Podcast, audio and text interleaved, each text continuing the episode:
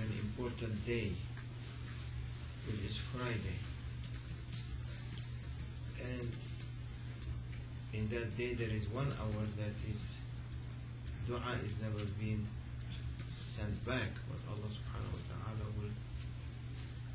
will accept and Allah will bless those people who are sitting at that time because it is a very blessed time. And we mentioned that it was the the time was the hour between Asr and Maghrib, one hour before Maghrib.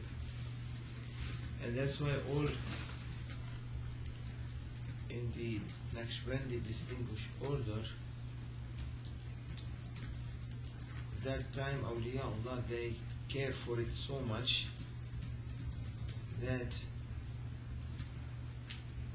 they try as much as possible to keep their followers